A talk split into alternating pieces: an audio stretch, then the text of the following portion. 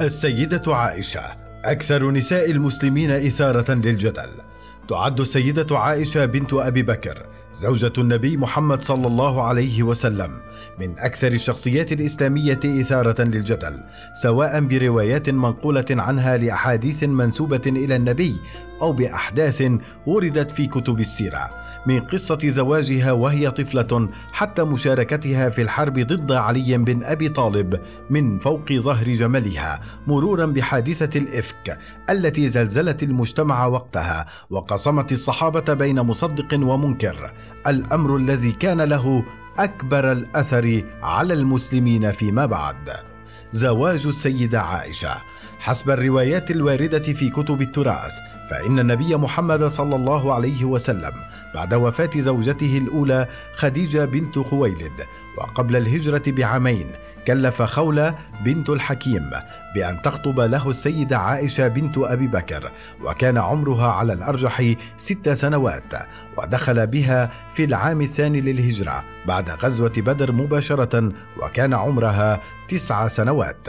فعن هاشم بن عروة عن أبيه عن عائشة رضي الله عنها أن النبي تزوجها وهي بنت ست سنين وأدخلت عليه وهي بنت تسع ومكثت عنده تسعا. وهذا حديث أخرجه البخاري 5133 ومسلم 1422 كما روى ابن ماجه 1632 وصححه الألباني أن عائشة قالت تزوجني النبي في شوال وبنى بي في شوال فأي نسائه كان أحظى عنده مني. وتوفي النبي في شهر ربيع أول سنة 11 هجرية وعمر عائشة 18 عاما تقريبا بينما عاشت حتى سن الخمسة وستين عاما وتوفيت عام 58 هجرية 678 وطبعا لم تتزوج بعده. عائشة هي الزوجة البكر الوحيدة للنبي. وكانت تباهي باقي زوجاته بذلك لكن الأهم أنها كانت أقربهن إليه فقد فضل أن يموت في فراشها. كما كانت أكثرهن علما فقد قال الحاكم في المستدرك إن ربع أحكام الشريعة نقلت عن السيدة عائشة وقال أبو موسى الأشعري ما أشكل علينا أصحاب النبي حديث قط فسألنا عائشة إلا وجدنا عندها منه علما حسب ما نقل الترمذي في سننه. أحاديث جمع القرآن. تنسب للسيدة عائشة مجموعة من الأحاديث التي تشكك في صحة جمع القرآن على صورته النهائية أي الموجودة بين أيدينا الآن وهو أمر جلل لو صدقناه وصدقنا ما ورد من أقوال في الفقرة السابقة عن علمها الذي يفوق علم كبار الصحابة. أو من أمثلة ذلك الحديث الذي أورده جلال الدين السيوطي في كتابه الإتقان في علوم القرآن. حدثنا ابن أبي مريم عن ابن لهيعة عن أبي الأسود عن عروة بن الزبير عن عائشة قالت كانت سورة الأحزاب تقرأ في زمن النبي 200 آية فلما كتب عثمان المصاحف لم يقدر منها إلا ما هو الآن. هذا الحديث لو صح يعني أن لجنة عثمان لم تجمع القرآن كله بل ما استطاعت أن تصل إليه فقط. تعد السيدة عائشة بنت أبي بكر زوجة النبي محمد صلى الله عليه وسلم من أكثر الشخصيات الإسلامية إثارة للجدل سواء بروايات منقولة عنها لأحاديث منسوبة إلى النبي أو بأحداث وردت في كتب السيرة. وما يزيد الأمر ارباكا أن هذا الحديث يتوافق مع حديث رواه عبد الله بن الإمام أحمد في زوائد المسند وعبد الرزاق في مصنفه وابن حبان في صحيحه والحاكم النسابوري في المستدرك على الصحيحين والبهيقي في السنن وابن حزم في المحلى بالآثار عن طريق من طريق عاصم بن بهدله عن زر قال لي أبي بن كعب كأي تقرأ سورة الأحزاب أو كأي تعدها؟ قلت له ثلاثا وسبعين آية فقال قط لقد رأيتها وإنها لتعادل سورة البقرة ولقد قرأنا فيها. الشيخ والشيخة إذا زنيا فارجموهما البتة نكالا من الله والله عزيز حكيم ومعروف أن أبي بن كعب أحد أربعة أوصى النبي بأن يؤخذ القرآن منهم ففي حديث أورده البخاري خذوا القرآن من أربعة من عبد الله بن مسعود وسالم مولى أبي حذيفة ومعاذ بن جبل وأبي بن كعب. وينقل عن السيدة عائشة أيضا حديث في السياق نفسه عن آية الرجم.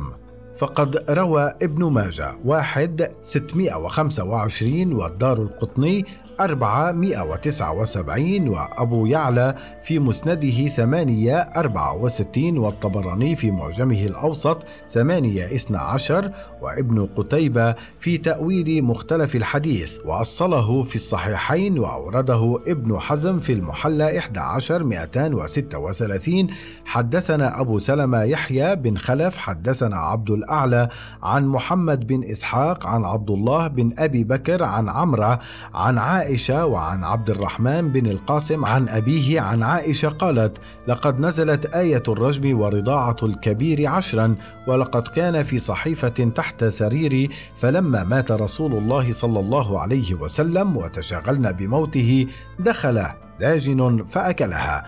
وهناك أحاديث تنسب للسيدة عائشة عن أن النبي كان ينسى الآيات ويتذكرها بمحض صدفة. نقرأ في صحيح البخاري 4750 4751 حدثنا ربيع بن يحيى حدثنا زائدة حدثنا هشام عن عروة عن عائشة رضي الله عنها قالت سمع النبي صلى الله عليه وسلم رجلا يقرأ في المسجد فقال يرحمه الله لقد أذكرني كذا وكذا آية من سورة كذا. حدثنا محمد بن عبيد بن ميمون حدثنا عيسى عن هشام وقال اسقطوهن من سورة كذا وهناك أمثلة كثيرة لا يتسع لها المقام تحدثت فيها السيدة عائشة عن أغاليط القرآن النحوية.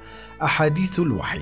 من الأحاديث الملفتة المنقولة عن السيدة عائشة ما قالته عن الوحي ومنها حديثان نذكرهما الأول عن عائشة أن الحارث بن هشام سأل النبي صلى الله عليه وسلم يا رسول الله كيف يأتيك الوحي؟ فقال أحيانا يأتيني مثل صلصلة الجرس وهو أشده علي فيفصم عني وقد وعيت عنه ما قال واحيانا يتمثل لي الملك رجلا فيكلمني فأعي ما يقول. قالت عائشة ولقد رأيته ينزل عليه الوحي في اليوم الشديد البرد فيفصم عنه وإن جبينه ليتفصد عرقا. رواه البخاري.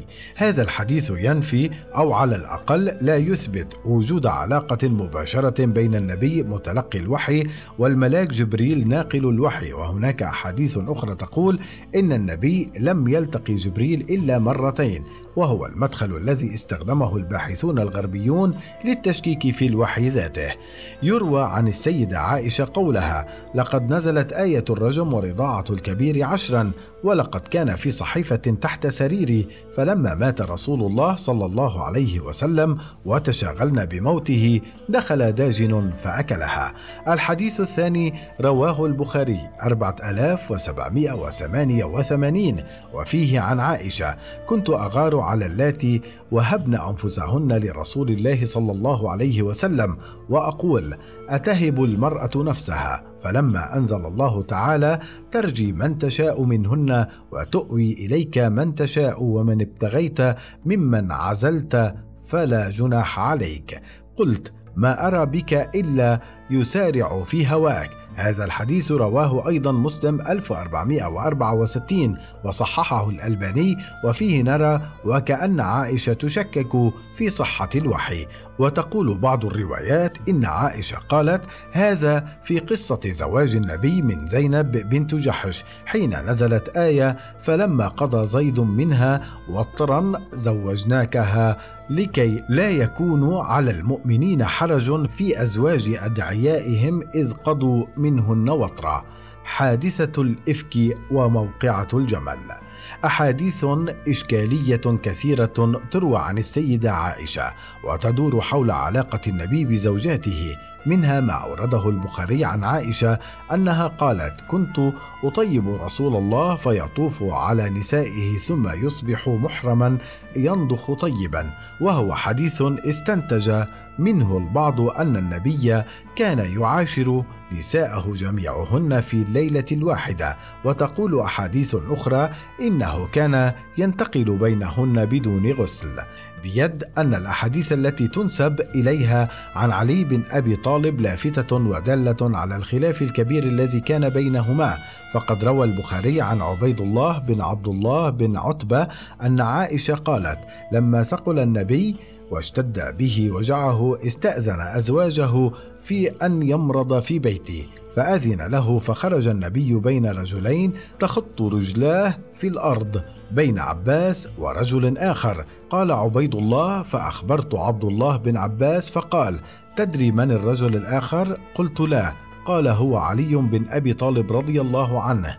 والسؤال الذي يطرح هنا لماذا جهلته السيدة عائشة وهو العلم؟ العداء بين عائشة وعلي يرجع إلى احاديث الإفك الشهيرة وملخصها كما وردت في السيرة النبوية أن عائشة صحبت النبي في إحدى غزواته. وحين انتهى من الغزوة وفي طريق العودة وقف الجيش ليستريح فنزلت عن هودجها تقضي حاجتها. وفي طريق عودتها انفرط عقدها فجمعته ولما عادت وجدت القوم قد رحلوا حاملين هودجها على ظهر الجمل ظانين أنها فيه لخفة وزنها. ومضوا فنامت فوجدها صفوان بن المعطل السلمي فحملها على جمله حتى لحقا الجيش فتناولتها الألسنة وكان المتقول عليها عبد الله بن أبي بن سلول وانقسم الناس بشأن القصة بين مصدق ومكذب. وما يعنينا في ذلك أن النبي كان محتارا لا يستطيع أن يحسم أمره فاستشار في طلاقها عليا وأسامة بن زيد. قال أسامة أهلك يا رسول الله ولا نعلم إلا خيرا. وقال علي لا يضيق الله عليك والنساء سواها كثير وسل الجارية تصدقك. وظل النبي على حيرته حتى نزلت الآية إحدى عشر وما بعدها من سورة النور إن الذين جاءوك بالإفك عصبة منكم لا تحسبوه شرا لكم بل هو خير لكم لكل امرئ منهم ما اكتسب من الإثم والذي تولى كبره منهم له عذاب عظيم وفيها تبرئة للسيدة عائشة ونهاية للجدل واللافت في الأمر أنها لم تنس لعلي رأيه هذا. وحين وقعت الفتنة وقتل عثمان بن عفان كانت عائشة في مكة تعتمر وفي طريق عودتها علمت بمبايعة علي خليفة للمسلمين فولت راجعة إلى مكة وانضمت إلى الجيش الذي قاده المبشران بالجنة طلحة بن عبيد الله والزبير بن العوام ضد جيش علي والتقيا في معركة الجمل التي وقعت في البصرة عام 36 هجرية وروي أن عائشة حين رأت غلبة جنود علي ركبت الجمل واندفعت به وسط الجيش حتى يكفوا عن القتال وقيل إن الآلاف من المسلمين قتلوا في تلك الموقعة. هذه بعض نماذج فقط تدلل على إشكالية شخصية السيدة عائشة بنت أبي بكر وعلى أقوالها ومواقفها التي لا تزال موضع خلاف حتى الآن وأكثرها جدلا قولها إن رخصة رضاعة الكبير لم تكن تخص سهلة بنت سهيل التي سألت النبي فرخصه لها عكس موقف باقي زوجاته فكانت تأمر أختها أم كلثوم وبنات أخيها أن يرضعن من أرادت أن يدخل عليها من الرجال.